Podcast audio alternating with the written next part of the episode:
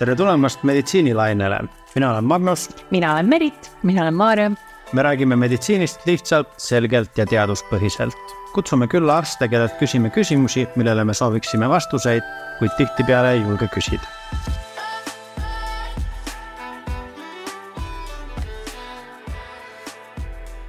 head uut aastat ja tere tulemast meditsiinilainele. täna istub meiega siin koos Kristi Särgava, kes on perearst ja Kristi on just see inimene, kelle kabinetti astutakse aasta alguses sisse ja öeldakse tihtipeale, nii, ma nüüd pean oma elus midagi kardinaalselt muutma.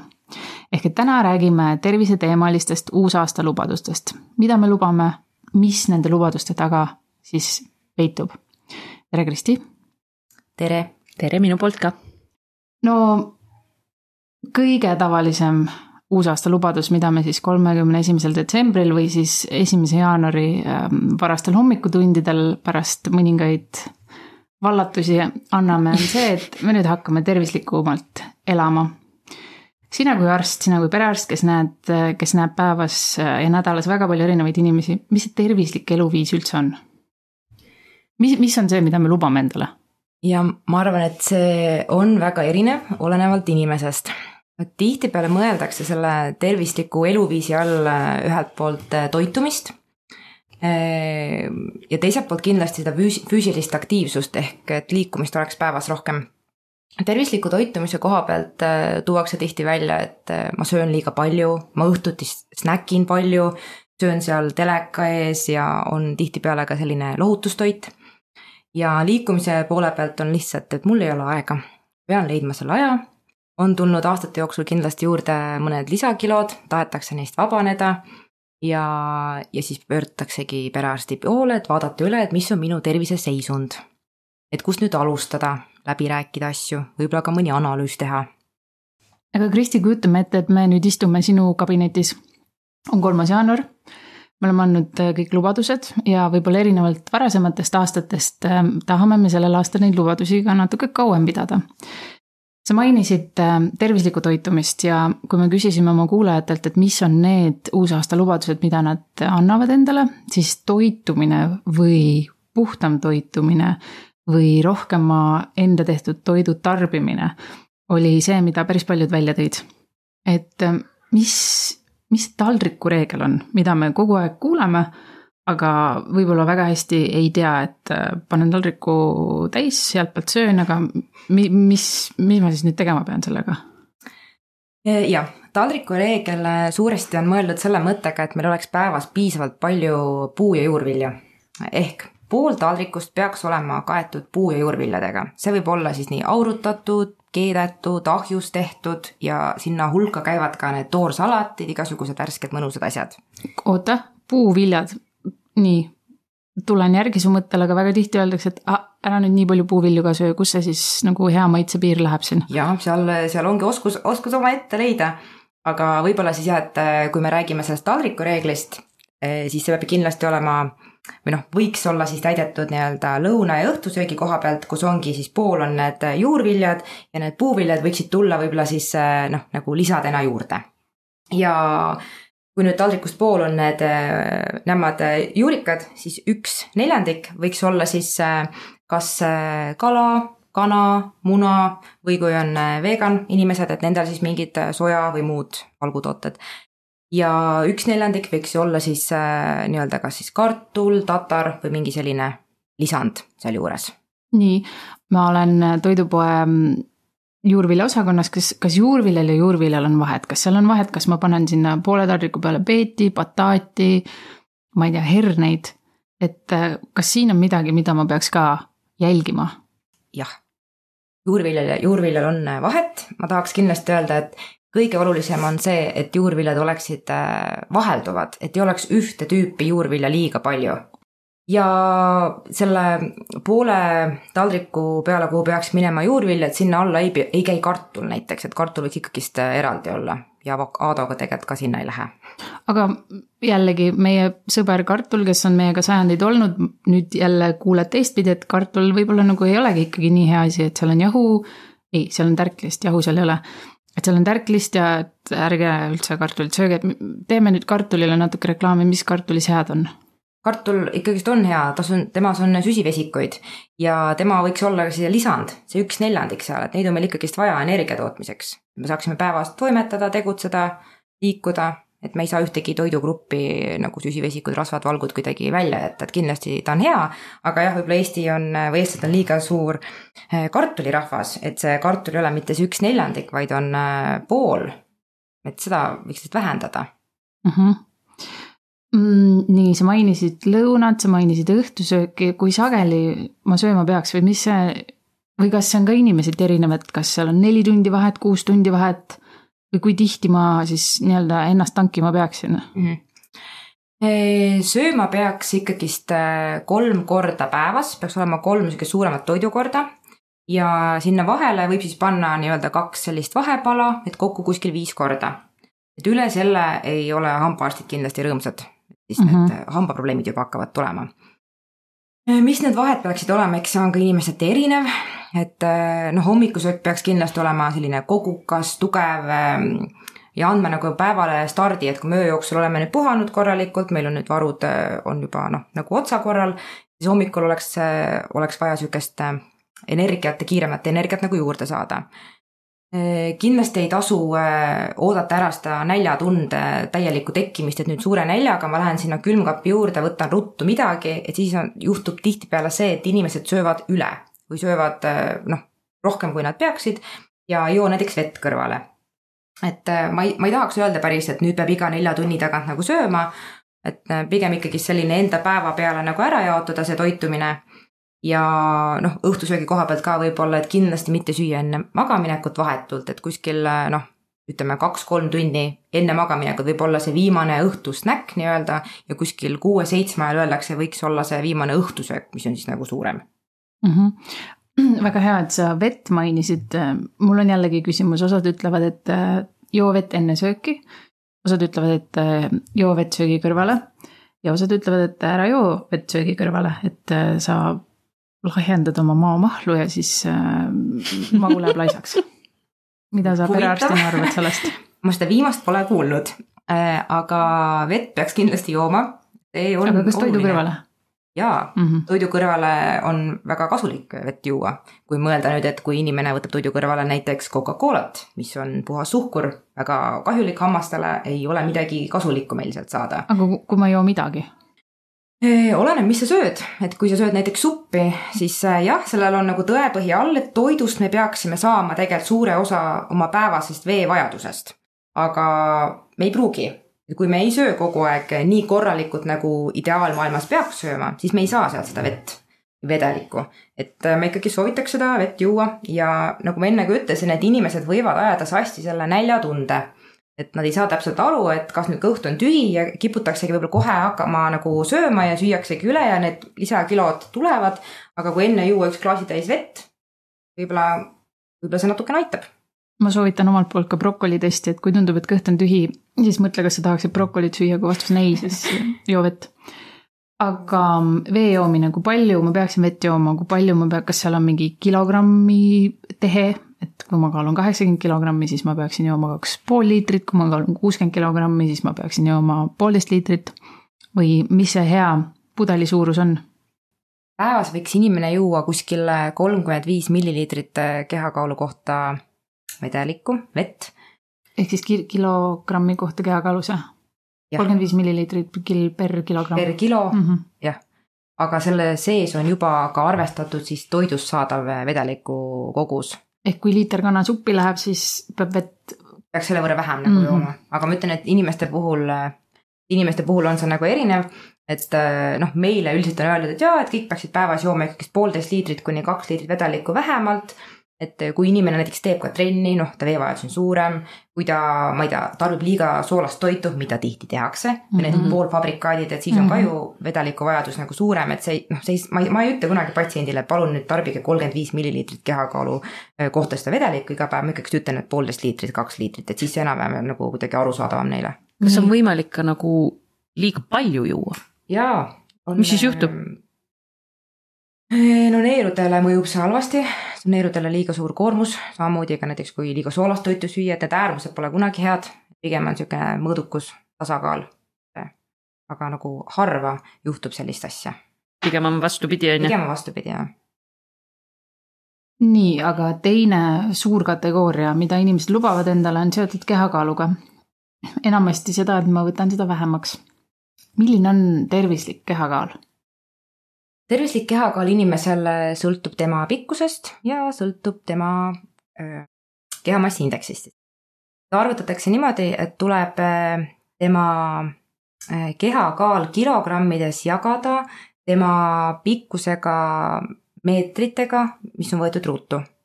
ja vastavalt sellele meil on nii-öelda vahemikud, mille põhjal me siis vaatame, et kuhu see patsient nagu või no see inimene satub, et kas ta on näiteks alakaaluline, kui see kehamassi indeks HMI lühendiga on alla kaheksateistkümne koma viie, et noh, siis ei ole mõistlik kaalus alla võtta. normvahemikuks on siis noh, kaheksateist koma viis kuni kakskümmend neli koma üheksa, et see on see, kus me võiksime kõik enam-vähem paikneda, üle selle kakskümmend viis pluss kuni seal kakskümmend üheksa on äh, ülekaal üle selle on juba rasvumine ja seal on ka oma astmed. ehk see on ikkagist igal inimesel erinev. Et enne, kui keegi hakkab rääkima üldse, et ma tahan kaalust alla võtta, oleks mõistlik võib-olla nagu näiteks ühe variandina inimene ära mõõta, ära kaaluda ja siis saab selle kehamassi indeksi sealt mm -hmm. välja, välja arvutada, aga ma kindlasti mainin siin ka ära, et äh, meil on ju palju inimesi, kes teevad korralikult sporti ja kellel on tugev lihasmass et nendel olukordadel ei ole see kehamassiindeksi arvutamine väga adekvaatne, sest et võib-olla noh, kehamassiindeksi järgi näiteks rasvunud inimene, aga see kõik on tema nii-öelda lihaste arvelt, ehk see tegelikult ei ole nagu sama kui siis see mittelihaselise inimese kehamassiindeks, mis on sama suur. et äh, on olemas sellised väga ähm, fancy'd kaalud, mõõdavad ära selle keha koostise mm. -hmm. et äh, võib-olla seda nagu. aga kas see kas see, ma olen ka seisnud seal kaalu peal mm, -hmm. no ma olen erinevate kaalude peal seisnud oma elus, aga kas see, kas see töötab, see fancy asi? See, see näitab sulle, et su bioloogiline vanus on, ma ei tea, nelikümmend ma seda bioloogilist vanust nagu ei vaataks okay.. et pigem ma vaatakski seda, et kehakaalu ja ta võiks näidata seda rasvaprotsenti mm. -hmm. et noh, miinimum naistel on seal kaksteist, meestel viis. et äh, kui, et kui see, noh, selle järgi nagu orienteeruda, et kui see on ikkagist, ma ei tea, kolmekümne viie naistel, et noh, et siis vaadata, et võiks nagu sellega tegeleda näiteks aga mida sa soovitad esimese asjana? ütleme, ma olen nüüd ära vaadanud oma keha, kehamassi indeksi, tundub, et ma ikkagi sinna kahekümne viiest äh, tulen ülespoole. mida ma siis alustuseks teen, kas, kas number üks on ikkagi trenn või siis on toitumine või kuidas, kust, kuidas ma alustan? number üks, ma arvan, on see, on ikkagist nagu elustiil tervikuna, et vaadata üle, et mis noh, miks see kehakaal muret teeb. inimesed suurema tõenäosusega võtavad kaalust alla või, või võtavad kaalust alla ja see kaal jääb püsima, kui nad teevad seda mingil põhjusel, mis on neile nagu oluline või neile vajalik. et kui näiteks naabrimees ütleb, et aa, sa oled paks, et noh, siis keegi ei võta kaalust alla. aga kui ma ise saan aru, et aa, et ma tegelikult näiteks olen liiga suur, ma ei jõua oma lastega mängida või et aa, issand, ma ei jõua ikka sinna tööle üldse kõndida nii palju, et ma tahaks seal trennis käia, aga ma lihtsalt ei jõua või, või mu liigesed valutavad või uni on halb või mis iganes et võib-olla alustada sellest, et miks ma seda teen, panna näiteks kirja endale. ja siis mõelda juba, et mis võiksid olla need äh, kohad, mida ma saaksin ise parandada. ma tavaliselt lähen nagu seda teed pidi, et kuidas iseennast nagu aidata. ongi näiteks, kui vaadata üle see, kindlasti vaadata üle see toitumine, et kui toitumise osas on näha, et no hommikusööki näiteks inimene ei söö. miks? uurida, miks, et tegelikult hommikusöök on nagu kõige alus, et see võiks ikkagist olla seal. võib-olla pole harjunud, noh, proovime harjumust muuta kas ta on motiveeritud, alustame sellest. Äh, kindlasti see vedeliku tarbimine, nagu me enne just rääkisime ja siis vaadata juurde, et tõesti, et kuidas ja kui palju see inimene on valmis ja tahab seda liikumist sinna päeva, päeva nagu juurde panna. aga kui ma olen ikkagi väga tugevalt ülekaaluline, ma nagu ei kujuta ette, jah, ma ei kujuta ette, et ma lähen jooksma näiteks. ma arvan, et jooksmine ei olegi hea et ilmselt siis peaks ikkagist vaatama, et no ütleme, kui on see kehamassi indeks seal üle noh, kolmekümne viie, et on juba noh, tugevalt rasvunud, et või ma ei tea, teise astme rasvumine, kuidas nimetatakse. ja mida siis nagu teha, kindlasti liigestele mõjub äh, parem näiteks ujumine. et äh, see on niisugune nagu masseeriv, seal ei ole nii suur koormus nendel liigestele ja samas on väga mõnus niisugune noh, võib-olla aeroobne tegevus. see võiks olla näiteks asi, milles alustada, et ma ei soovita jah, äh, võtta kohe selliseid äh, spordialasid, millega näiteks varasemaltki inimene ei ole üldse tegelenud. et kui ongi niisugune tugevalt ülekaaluline rasvunud äh, patsient, et öelda talle, et kuule, hakka nüüd siin iga päev Nõmme metsas edasi-tagasi nüüd jooksma või ma ei tea, ümber Kalevi staadioni, et noh, ta ei hakka tegema seda. ja noh, see ei ole talle motiveeriv. aga samas mõned ülekaalulised ütlevad ka, et neile väga meeldib näiteks tantsimine, aga nad pole lihtsalt, ma ei tea, enne ei ole aega olnud, pole julgust olnud, pole, ma ei tea, partnerit olnud.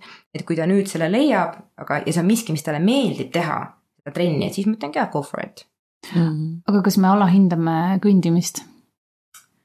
e,. ei, sest mulle tundub kuidagi, et, ähm, et hästi paljudes uusaasta lubadustes on justkui sees see, et äh, ma nüüd võtan keha kaalust alla. No number üks on see, et ma lähen ostan uued trenniriided, number kaks on see, et ma teen endale trenniklubi liikmelisuse, mida ma siis maksan noh, paar-kolm kuud. ma ei jõua eriti sinna ja no siis ma unustan selle ära. aga, aga tegelikult seesama, et võib-olla tund aega kõndimist õues või kuidagi võib, see on minu absoluutselt subjektiivne, mitte midagi ütlev arvamus, aga mulle tundub, et me kuidagi ei mõtle kõndimisest kui võimalusest samamoodi oma kehakaalu tegelikult langetada, et see on ju väga hea tegevus, tegelikult füüsiline tegevus, millega ennast nii-öelda võib-olla sellesse vormi viia, et üks hetk me hakkame natuke sörkima. jah, ma mõtlen, et see liikumine peaks olema või noh, kõndimine, ta peaks olema nagunii päeva igapäevane osa. iga päev me peaksime tegelikult kõndima umbes kolmkümmend minutit niimoodi mõõdukalt või natukene sihuke tempokamad, et peaks olema nagunii seal. jah, kui inimene on rasvunud või ta pole varem üldse liikunud, siis see nii-öelda esimene aste selles liikumises eh, see kõndimine sinna juurde panna on väga-väga hea mõte, aga ma mõtlen, et kui rääkida, et noh, et mis nagu edasi teha, et kuidas nagu seda südame-veresoonkonda parandada, et sinna peaks tulema ikkagi see aeroobne treening juurde, kuidas seda lihasmassi ja luid tugevdada, peaks tulema need jõutreeningud sinna juurde ja niimoodi. Sa mainisid äh, poolt tundi kõndimist, aga miks me räägime kogu aeg sellest kümnest tuhandest sammust, kas see on järjekordselt äh, mingisugune asi, mis on kuidagi jäänud mingisuguseks käibetõeks või sellel on mingisugune taust taga, et miks ta just kümme tuhat on, mitte kaheksa tuhat ega neliteist tuhat? Ehm, jah, see vist oli, kui ma nüüd ei eksi, äkki Jaapanist pärit, tuhat üheksasada kuuskümmend midagi aastast ehm, selline ütlus, et eh, kümme tuhat, eh, ma ei tea, meetrit või sammu päevas, et see on nagu piisavalt hea. et noh, ütleme keskeltläbi jah, see on hea, et me kõnnime siis palju, aga noh, nüüd ka viimased uuringud ja on öelnud, et see ei pea olema alati kümme tuhat, et see võib olla ka vähem.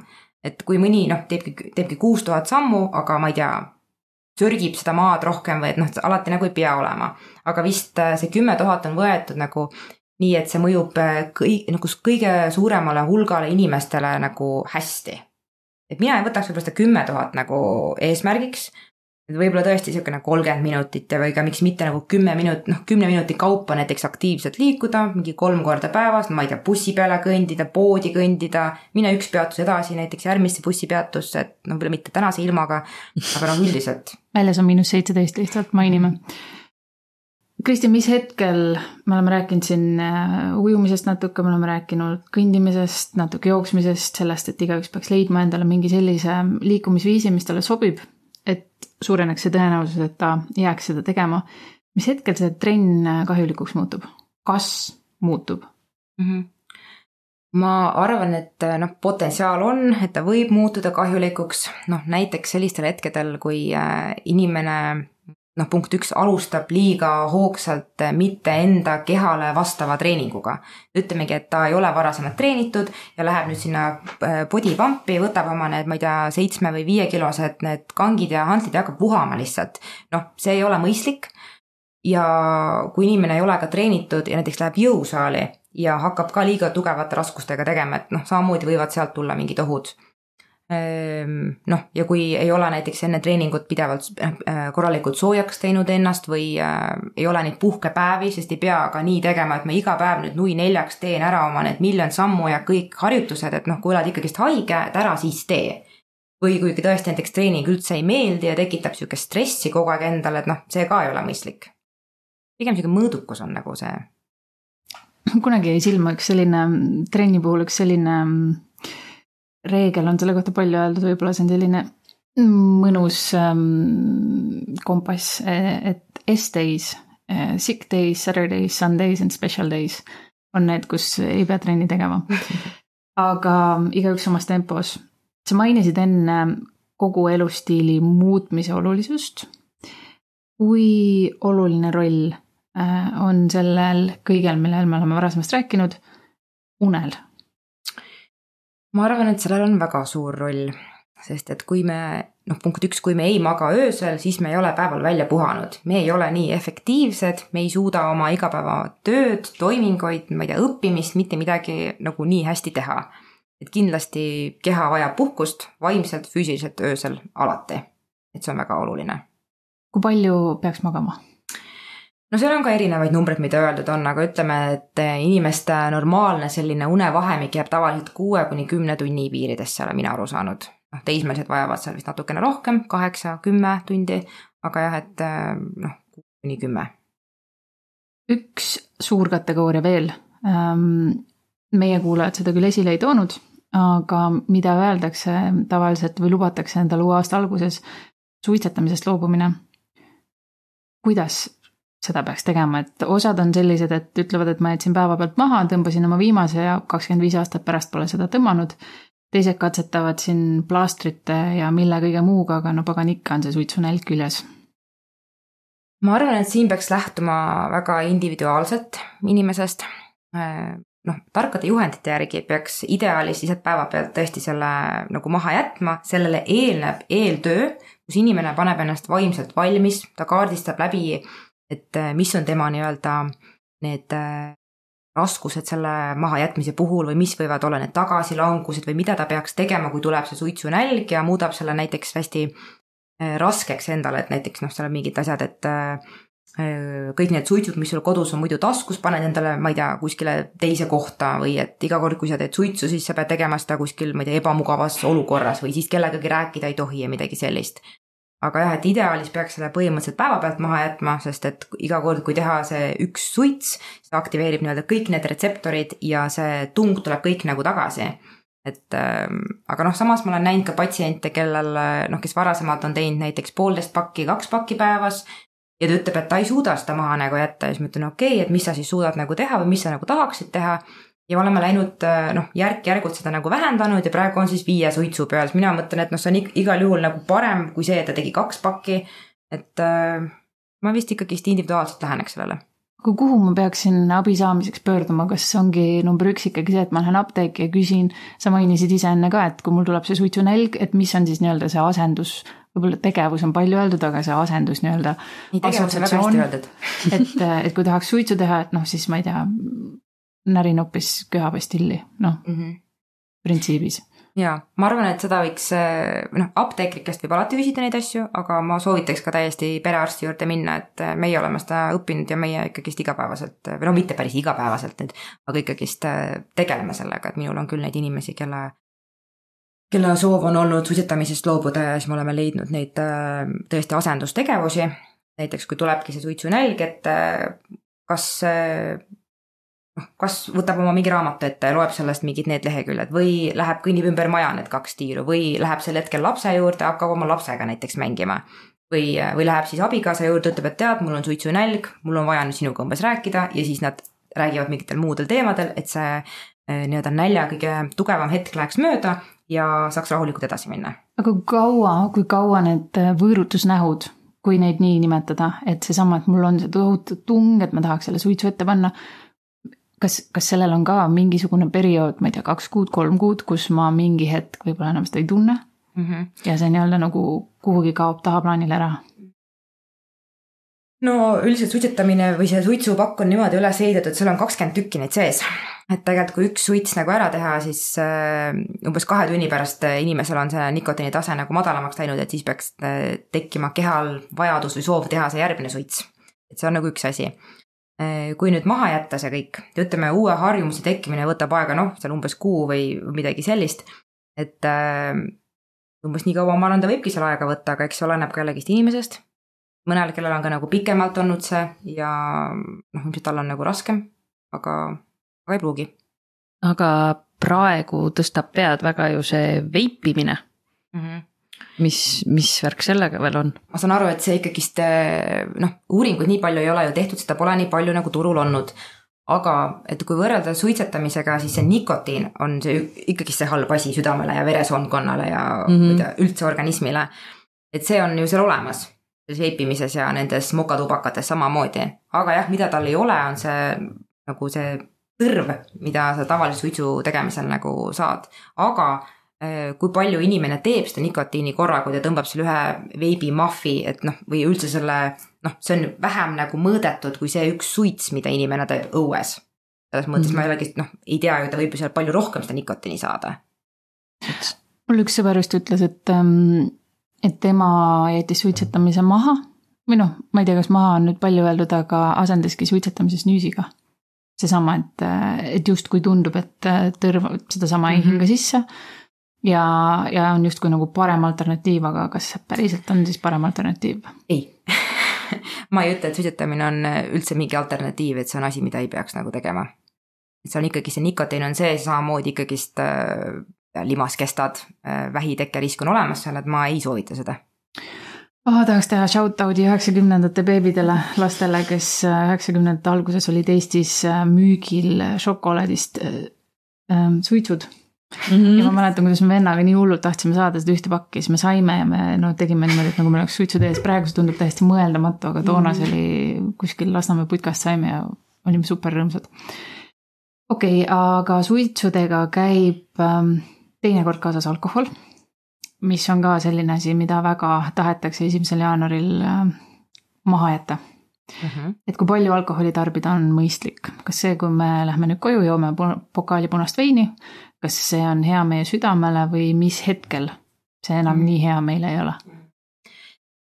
Äh, okei okay., alkoholi tarvitamine üleüldiselt ei ole nagu hea asi Äh, jah. kas seal midagi positiivset ka on, ma olen ikkagi kuulnud midagi punasest no, veinist ja südamest. võib olla jah, selline antijooksudant ja südamele nagu hea, aga ma ütlen, et see on väga niisugune nagu slippery slope mitte delete. libe tee. jah, see on libe tee mm. -hmm. et äh, jah, see üks pokaal, see võib olla nagu hea, aga samas nagu see võib olla ka algus noh, pidevale tarvitamisele, et ma ikkagist ei ütle, et me peaks nüüd iga päev nagu jooma seda aga mida nimetatakse nii-öelda madala riskiga alkoholi tarvitamiseks, ütleme nii, et ma ei saa öelda, et nagu normaalne alkoholi tarvitamine, sest et see on ikkagist ka ju selline meelemürk.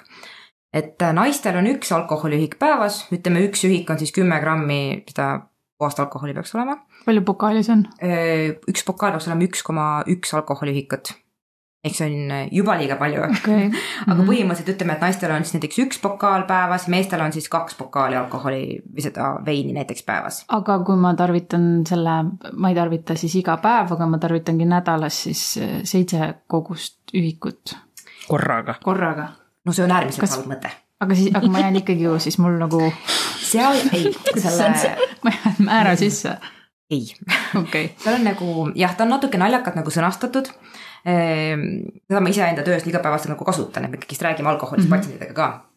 et jah, naistel on lubatud eh, nii-öelda seitse alkoholiühikut nädalas ja meestel siis neliteist alkoholiühikut nädalas. miks meestel rohkem? sest nad kaaluvad rohkem. teistsuguse organismiga mm -hmm. ja naistele mõjub see alkohol ikkagist äh, nagu teisiti. no ta mõjub teisiti, aga ta lihtsalt eh, mõjub võib-olla rohkem või tugevamalt, ehk kunagi ei tohi mehed ja naised nagu võidu juua, mida mu ema alati ütles koolis. väga halb asi nii et äh.... aga kas on ka erandeid ei, teeme nii, et ei ole.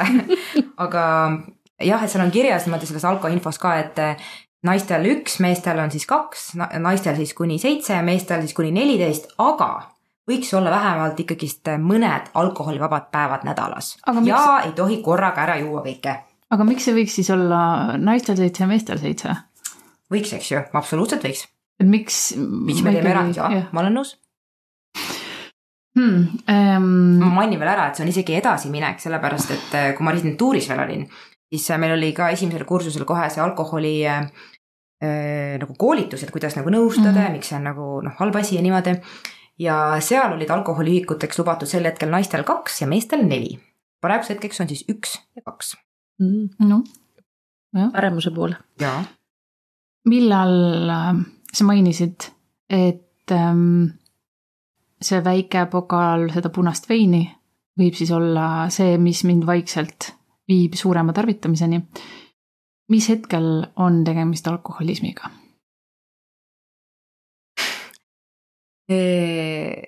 Alkoholismiga, ütleme, no alkoholism on nagu väga selline suur termin, et see tähendab ikkagi sõltuvust ja vajadust selle aine pideva tarvitamise järele.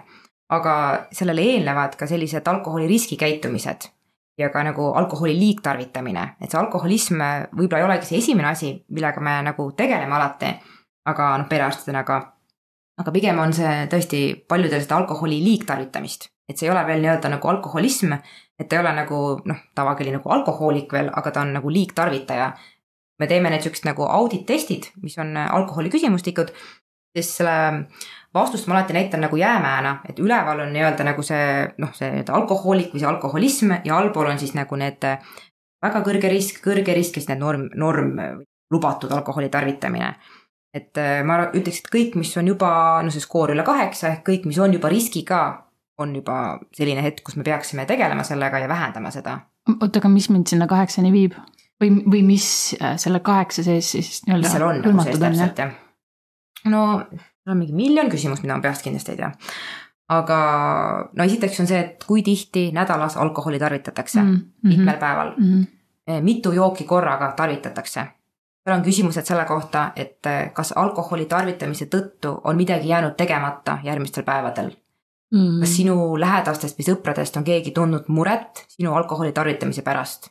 või kas on tekkinud mingeid tervisekahjusid nendest alkoholi tarvitamisest. aga ma võin olla ju ka funktsionaalne alkohoolik, ma saan kõik asjad väga hästi tehtud, aga õhtul ikka nagu on hämar juba, kõik see värk. jah, aga noh, see ütleme, suurem skoor tulekski sellisel juhul, kui inimene ise nagu midagi nagu välja ei too, et tal mingit tervisekahju nagu ei ole, aga see tuleb siis sellest välja, et me näeme lihtsalt, et need kogused on liiga suured nagu mm. -hmm aga ikkagi see liigtarvitamine, kas ma saan õigesti aru, et see liigtarvitamine võib siis olla näiteks, et ma, on mingi periood, võib-olla ongi stressi rohkem, pinget rohkem, ma ei oska ennast muud moodi maandada, panengi esimesed neli kuud aastas, noh, üle korralikult mm. et, et ma ikkagi, et mis, mis hetkel see on, kus ma olen alkohoolik või mis hetkel on see, kus öeldakse, et nii, see on nüüd alkoholism ja kuidas seda ravida mm? -hmm no esmatasandil me väga seda alkohoolikuid nagu ei ravi, et siis nad jäävad ikkagi sinna psühhiaatrite vaatevälja. aga ma ütlen, et noh, meie pigem tegelemegi nagu rohkem nendega, kes on enne seda, et need noh, päris noh, need päris alkohoolikud ikka on, aga, aga neid, kes on nagu selle, nagu selle teekonna peal selles suunas on võib-olla nagu isegi rohkem. et võib-olla tõesti need funktsioneerivad siuksed alkoholi liigtarvitajad või niimoodi, et Äh, aga jah, paljusid saab ikkagist esmatasandil aidata.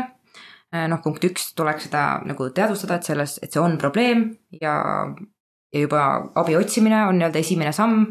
ja kui ma tihtipeale räägin ka patsiendiga läbi, et me räägimegi, et noh, et tuleb vastuvõtule tihtipeale näiteks uneprobleemiga või ongi väsimus, jõuetus äh, või ka näiteks elukaaslane nagu muretseb, et miks sa nii palju jood.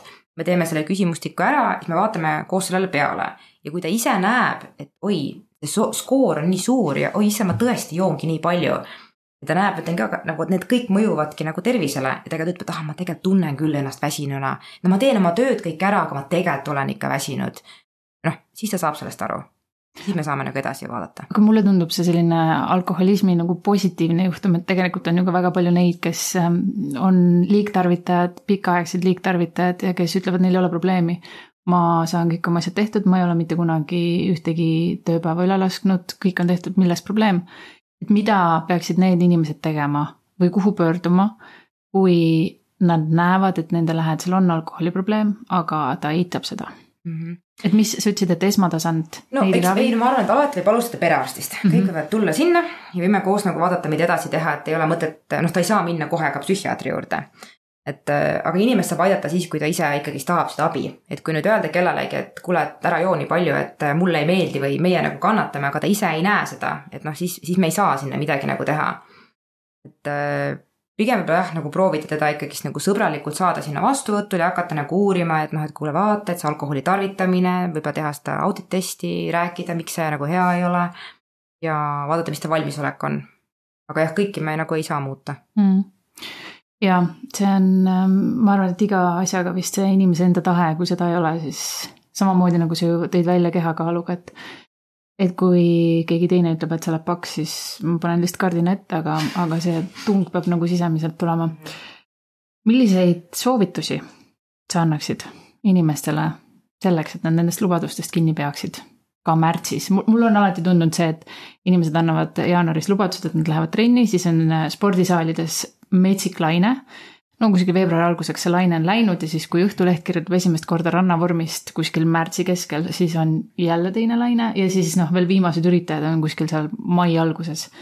et mida sa soovitaksid inimestele, et see nende nii-öelda pingutus oleks püsiv mm? -hmm ma arvan näiteks toitumise koha pealt, äh, kui nad ütlevad, et minu soov on nüüd toituda tervislikumalt, et võib-olla vaadatagi, et mis see mis see sisu seal taga on, et ütleme, et äh, ma tahaksin näiteks süüa rohkem juurvilju, et see on asi, mida saab kergesti nagu või noh, saab kergesti näiteks teha, aga võib-olla ka panna, et ma tahaksin iga päev süüa näiteks, äh, ma ei tea, porgandit, et siis ta saabki iga päev süüa seda porgandit, asi, mida on nagu, mida saab kergesti näiteks mõõta. Ma soovitan kindlasti kaasata sinna kedagi teist, kas mõnda sõpra või elukaaslast või last, kellega koos nagu seda uusaasta lubadust äh, täide viia, on kindlasti lihtsam.